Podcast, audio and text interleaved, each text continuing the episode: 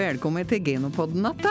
Denne gangen så har oss faktisk ei ekstrasending helt utenom våre faste månedlige program, Rasmus. Ja, for første gang. Ja, og anledningen det er at også i dag, 16.11.2020, faktisk kan fære 85 år med avl for bedre NRF-ku, både for bonde og samfunn.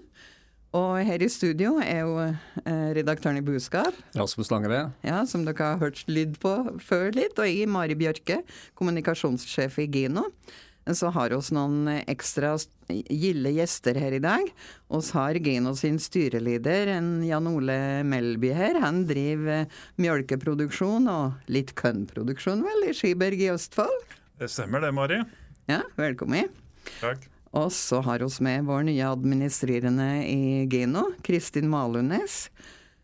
Og du skal få lov til å gi oss i kanskje mer blikk framover eller bakover, Kristin? Jeg gleder meg til det. Hei. Ja. Du har, fikk jo en tøff start. Med, du begynte i Geno da koronaen inntraff, du, og har måttet leve med å ikke få møte så mange ennå. Ja, det var veldig rart. Det var tolv dager, og så gikk vi på hjemmekontor. Men Geno er en bedrift som ligger langt framme teknologisk, så vi hadde alle de verktøyene vi trengte for å kunne fortsette virket vårt. Så det har fungert veldig bra. Og de ansatte og organisasjonen har levert strålende. Ja, men det høres så riktig svært ut. Men nå skal vi kikke enda lenger tilbake.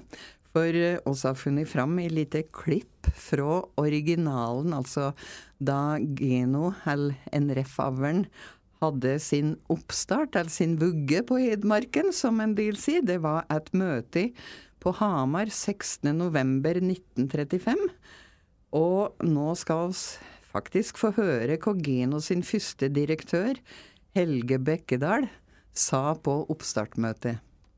Det er nemlig slik at det må være et visst forhold mellom produksjonsevne og størrelsen hos dyra. Det som i grunnen er det vesentlige, er at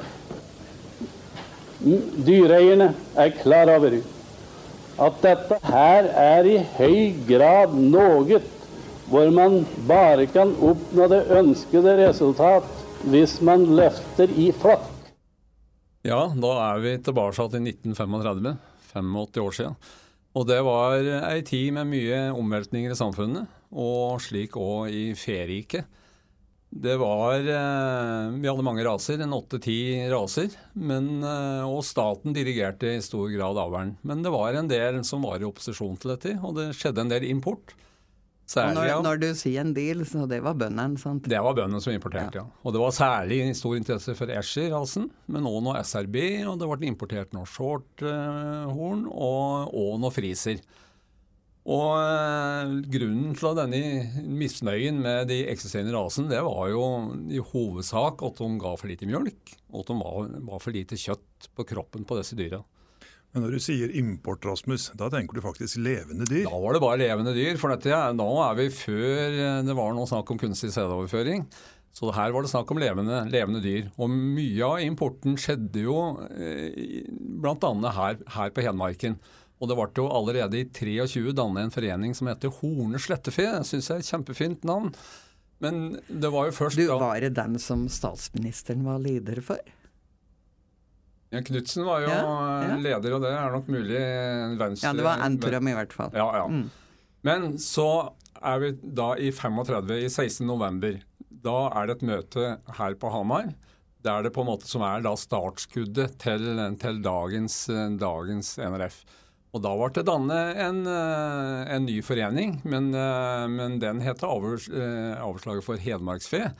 Og så først Og den startet like etterpå, men, men fusjonen med Horne slettefe skjedde først i 39, og da het det Avslaget for norsk rødt og hvitt fe. Og det er første gangen NRF kommer inn i bildet. Men dette møtet på Hamar i 35 det var jo startskuddet for det som etter hvert førte til at vi fikk samle hele det norske feriket i én organisasjon for avl og semin. Og Jan Ole, hvis du ser litt tilbake på denne historien, kan du si litt om betydningen av det som skjedde på det møtet i 35? Det har jo åpna det norske landbruket for at vi må se litt utover vår egen gård. Altså, hva er det kanskje naboen og hva er det naboen på den andre sida av bekken gjorde? Eh, vi sier at vi kanskje skal gå over bekken etter eh, å finne vann, men altså, det er noe med det at du må utforske verden litt og se hva andre har. Og så har vi da bygd sten på sten i forhold til å komme dit vi er i dag. Det er jo litt sånn at eh, Vi hadde jo veldig tru på det vi hadde på egen gård, helt sikkert i 1935. Men så ser vi jo hva naboen gjør, eller kanskje litt lenger enn naboen. Og at det kan kanskje være et inspirasjon til å få inn noen nye gener. Men tenk på denne samlinga som etter hvert skjedde, da, som dette var foranledningen til. Du fikk samla alt i én organisasjon både for avl og semin. Det skjedde jo veldig få plasser, og ennå i dag så er jo dette veldig splitta opp nesten i de fleste land. Hva tror du var årsaken til at vi etter hvert greide å lykkes med, med denne samlinga? Det må jo være kanskje en god leder eh, for Norsk Norsk Fe, Bekkevold, som hadde avlsstrategien eh, med seg. Og at bøndene hadde tro på han, og at det ble en god samling. At bøndene hadde tro på dette, som vi da kanskje i dag vil kalle som samvirke og samvirkeavlen. Du har sikkert rett i det, Jan Ole. For det var mye store karer, majorer og diverse som var med på dette der. Og de hadde nok En av dem sa sågar at når en står på bar bakke, står en også fritt til å velge. Ja, det er jo godt sagt, det. Og i utgangspunktet, da, når, tilbake til 35, når de liksom definerte hva de skulle avle for, så var det veldig klart at det var mer mjølk, mer kjøttfulle dyr, men òg beite, beiteegenskaper. Så kombikua var jo på en måte inne helt helt ifra starten. Og det har jo vært litt av grunnlaget hele, hele veien. Ja, det har nok helt sikkert med at eh, vi trengte jo både melk og kjøtt. Og det å kunne ha det på én rase eh, var tydelig at dem de som da ville samles i 35, de har hatt det som et, eh, et mål. Men samtidig så de brøt jo med mye, mye hevdvunne forestillinger da. altså Den stedegenhetsteorien ble jo lagt død. Men en annen ting var at eh, helt fra starten var de veldig åpne for å finne gener der de beste genene var å finne. Og de var jo på en måte ikke, de var ikke redd for å krysse inn, og det skjedde jo en del innkryssing. Men, men det er vel et tilbakelagt stadium? Det har vi NRF holdt på med i mange år framover. Og vi har jo sågar i dag utveksling f.eks. med våre nordiske kollegaer. Nettopp for å eventuelt finne kanskje gener noe på enkelte dyr der som kan være med å bedre NRF-en totalt sett. Men det var jo en periode det var litt påtrykk fra Holstein-interesser eh, i Rogaland og Østfold det ble ført, som førte til en utprøving av noe Friser Holstein. Men, men nå innblanding av Holstein er vel et tilbakelagt stadium? Sannsynligvis er vel 90-tallet det siste som det er det, og at vi nå har stort sett vært eh, på de nordiske røde siden den tid. Men uh, mye av kanskje den svartfargen vi har, ligger jo kanskje med noe av den innkrysningen fra Holstein som skjedde tilbake i tid. Det var jo først og fremst for å se på dette med jur var, eh, og melkemengde som var noe av grunnene til at eh, det ble utprøvd. Mm. Kommer det i haug noe fra heimgården din eh, fra ti Altså ikke så tidlig da, Jan Ole, men litt senere? Jeg kunne jo godt gå veldig langt tilbake òg. Eh, jeg har faktisk en sånn, lest en sånn skyldberetning fra rundt 1800, starten på 1800-tallet. Og Da var det sånn at det var tre kuer hjemme på gården. Men det var e brune som var kolla, og e brune som hadde korn, og e svarte. Så dette med forskjellige raser og litt sånt, så er det nesten sånn som NRF er i dag, da. Så du har egentlig arva dette med ren linje, du? ja, du, jeg ble vel egentlig headhunta på fjøsgulvet som tenåring, tidlig tenåring og drev og mølka. Så kom det en som da var tevlingsleder for NBU og sa at ja, men deg må vi være med på på kutemming.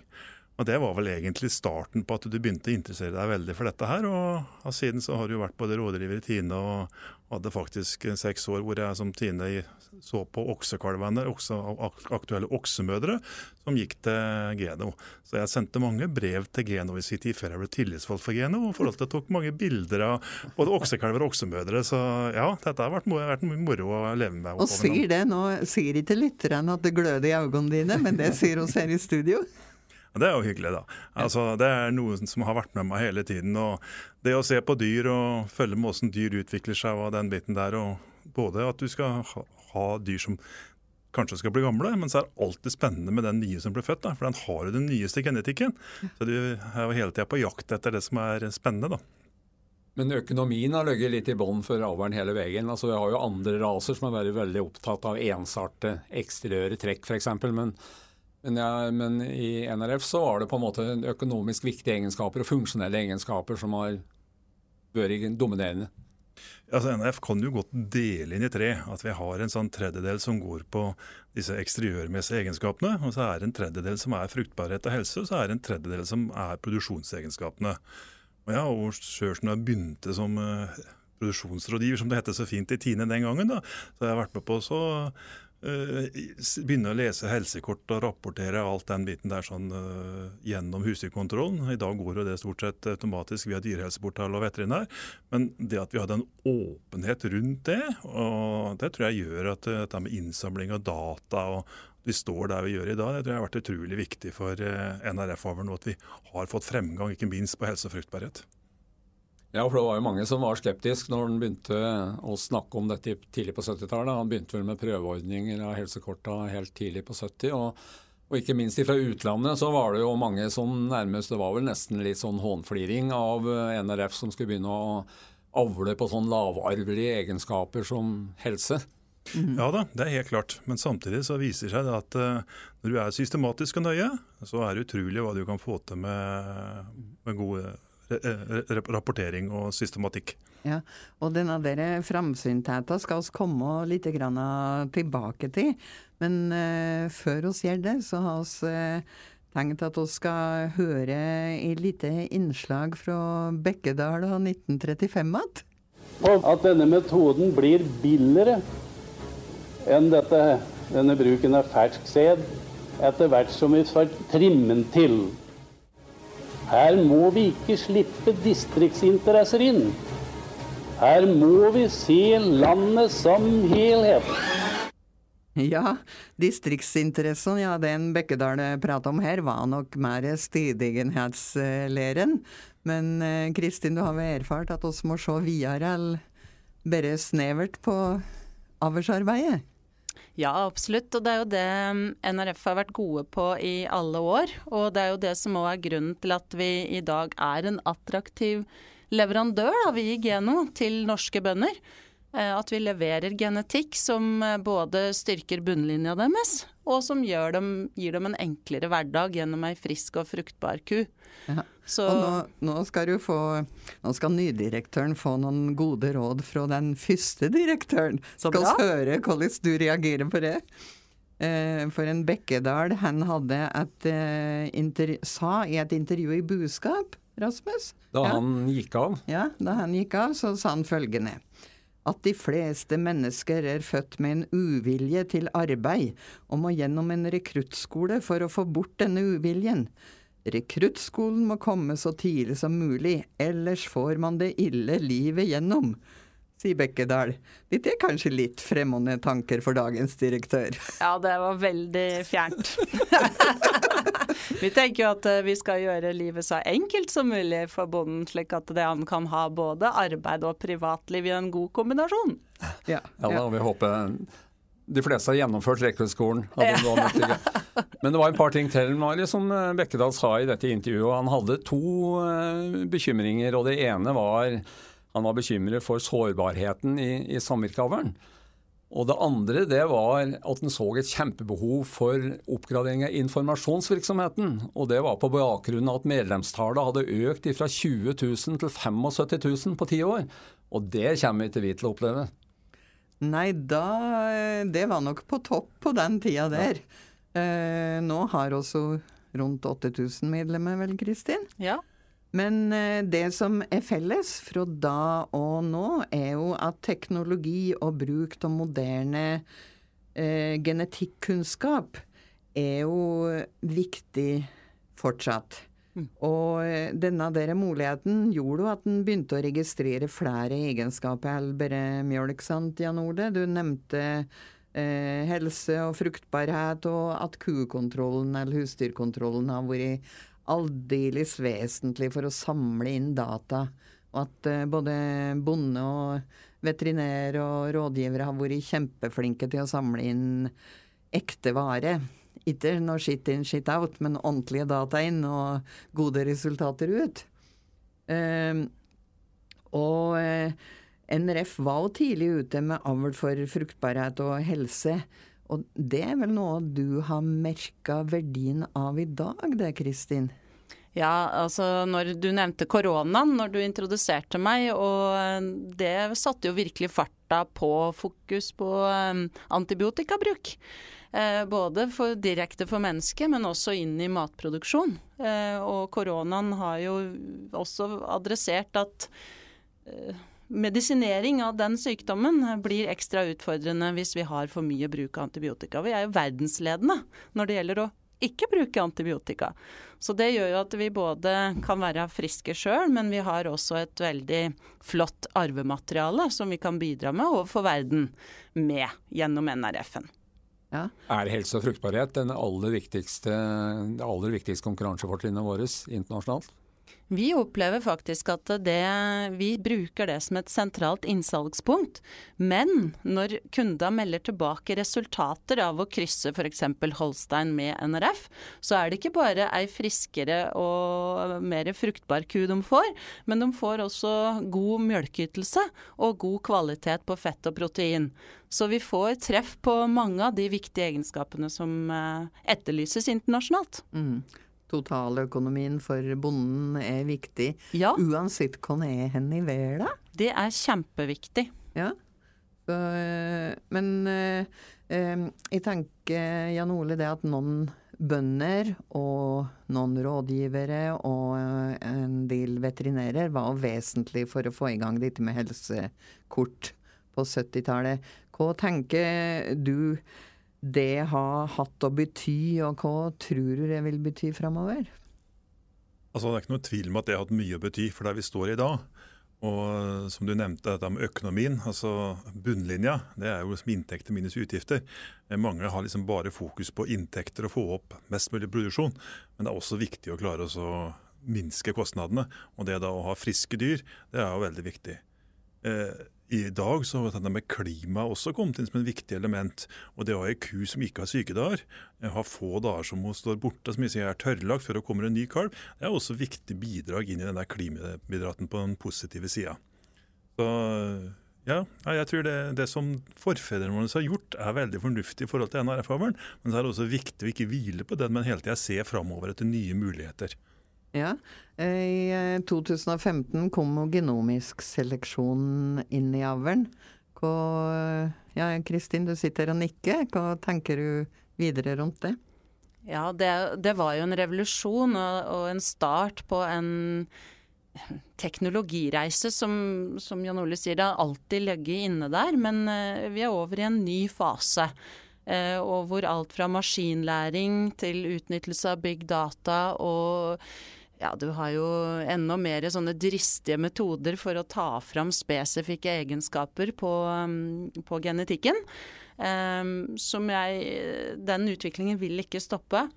Men det som jeg tror vil fortsatt være sentralt, det er kombinasjonen av GS-tester og teknologi med det vi kaller er det fenotypedata. Mm -hmm. uh, det vil si det er fysiske data som vi henter. Eh, og for vår del nå så er det jo både det vi henter gjennom uh, redusert metanutslipp. Vi har jo et stort forskningsarbeid gående på å redusere utslipp av metan fra, kuer. Og tilsvarende det som vi jobber for, nemlig en mer fòreffektiv ku. Og da er det jo snakk om å hente inn fenotypedata. Ja, nå Så, kan sikkert Jan Ole si litt om dette innhenting av fenotypedata. Altså Fenotypedata det er jo da egentlig reelle data. Ja. Eh, sånn at eh, det når, Slik det er på fjordsgulvet. Altså når vi ja. rapporterer inn melkemengde, så er det en fenotypedata. data. når eh, en rådgiver kommer og bedømmer f.eks. Eh, dyr på fjøset, gjerne som da skal være genomisk testa først, eh, så blir da fenotypedata registrert i forhold til hvordan den slår ut på eksteriørbedømminger eh, kobla opp mot da, genomiske data, som da er en beregning. Mens mens fenotypet er eksakte tall som vi putter inn for å sette inn i en formel. Og Man kan jo si at ei ku er ei ku, men det er kanskje nesten 100 forskjellige egenskaper som vi har fenotypedata på, som blir brukt inn i beregninga av en genomisk verdi. Så det ligger veldig mye data bak eh, den verdien som kua får. Litt viktig å understreke betydningen av fenotypedata framover. For det er kanskje noen som tror at når vi begynner med GS og analyserer arvestoffet, så kan vi på en måte glemme alt dette med innrapportering. Men, men det blir ikke noe mindre viktig framover enn det har vært. Nei, det må være veldig viktig å fortsette å ha et godt oppslutning om kukontrollen. Det er det viktigste bidraget jeg som bonde kan gjøre. Og så at veterinærer rapporterer inn alle sykdomstilfeller og den biten der.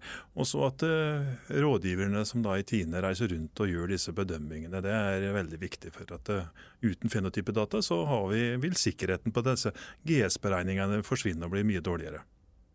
Kristin, i 35 da tror jeg ikke de tenkte veldig mye på uh, eksport av gener. Kan du si litt om hvor viktig det vil bli for avlsarbeidet på NRF framover? Ja, altså Geno vi har jo vært ute med NRF i mange, mange år. Eh, og grunnen til det er jo fordi vi trenger Det er to årsaker til det, tenker jeg. For det første så trenger vi volum. Eh, fordi det å drive Være i verdenstoppen da, på avl innenfor dette området, det krever mye ressurser. Eh, og det andre, det handler om å kjenne på konkurransen. Altså med en gang du er ute på den internasjonale arenaen, så møter vi andre verdensledende genetikkselskaper. Og det skjerper oss i Geno, og det skjerper oss i forhold til å fortsette å kunne være en attraktiv leverandør overfor våre norske bønder og våre eiere. Eh, og være troverdig, rett og slett, som en aktør, da.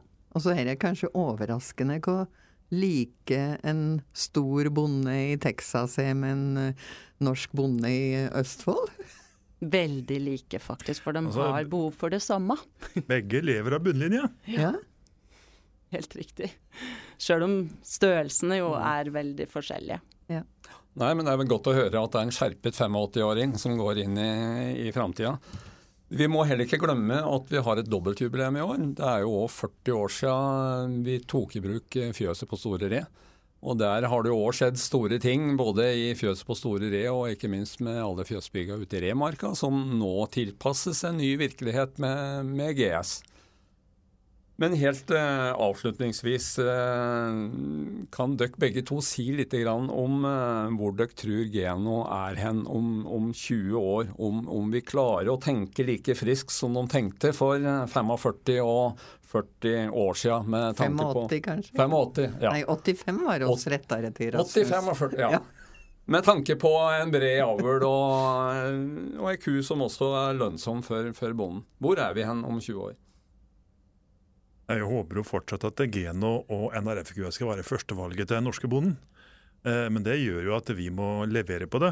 Eh, avlen må ikke stå rolig. Vi må få fra fortsatt den avlsmessige fremgangen, det som vi på fagspråket kaller delta G. Det er sånn veldig viktig å få til, og vi må rigge oss i forhold til det. Og selv om nå første fjøset, ventoksefjøset som var bygd for 20 år siden, da gikk vi over til ventokser. Eh, da hadde vi sånn dette med kaldokser og varmokser og altså alt den der biten der som vi snakka om i tid. Det er nå historie. Og så går vi inn i en ny teknologi nå som går på genomisk seleksjon, og vi trigger generasjonsintervallet og den biten der. Og det er viktige elementer for oss å være med den beste biten. Du har prøvd de med embryo òg, du, har vi ikke det? Jeg har i hvert fall levert til Kvige, som ja. har levert noe embryo. Så ja da, vi må prøve å ta i bruk den nye teknologi, teknologien som er. Det er jo ikke embryo i og for seg nytt. Vi drev jo med det i Geno og NRF på slutten av 80-tallet, først på ja. 90-tallet. Eh, og hadde en egen gård for å stå noen dyr som var i embryoproduksjon. Så det at bonden nå tar tak i disse nye, kan du si, tilbudet som Geno har, da, det tror jeg er viktig for at vi skal bestå og være førstevalget til bonden framover. Mm. Absolutt, jeg kan støtte opp om den. Om 20 år så er vi den foretrukne leverandøren av genetikk til den norske bonden, til våre eiere. Og vi har tatt det amerikanske markedet.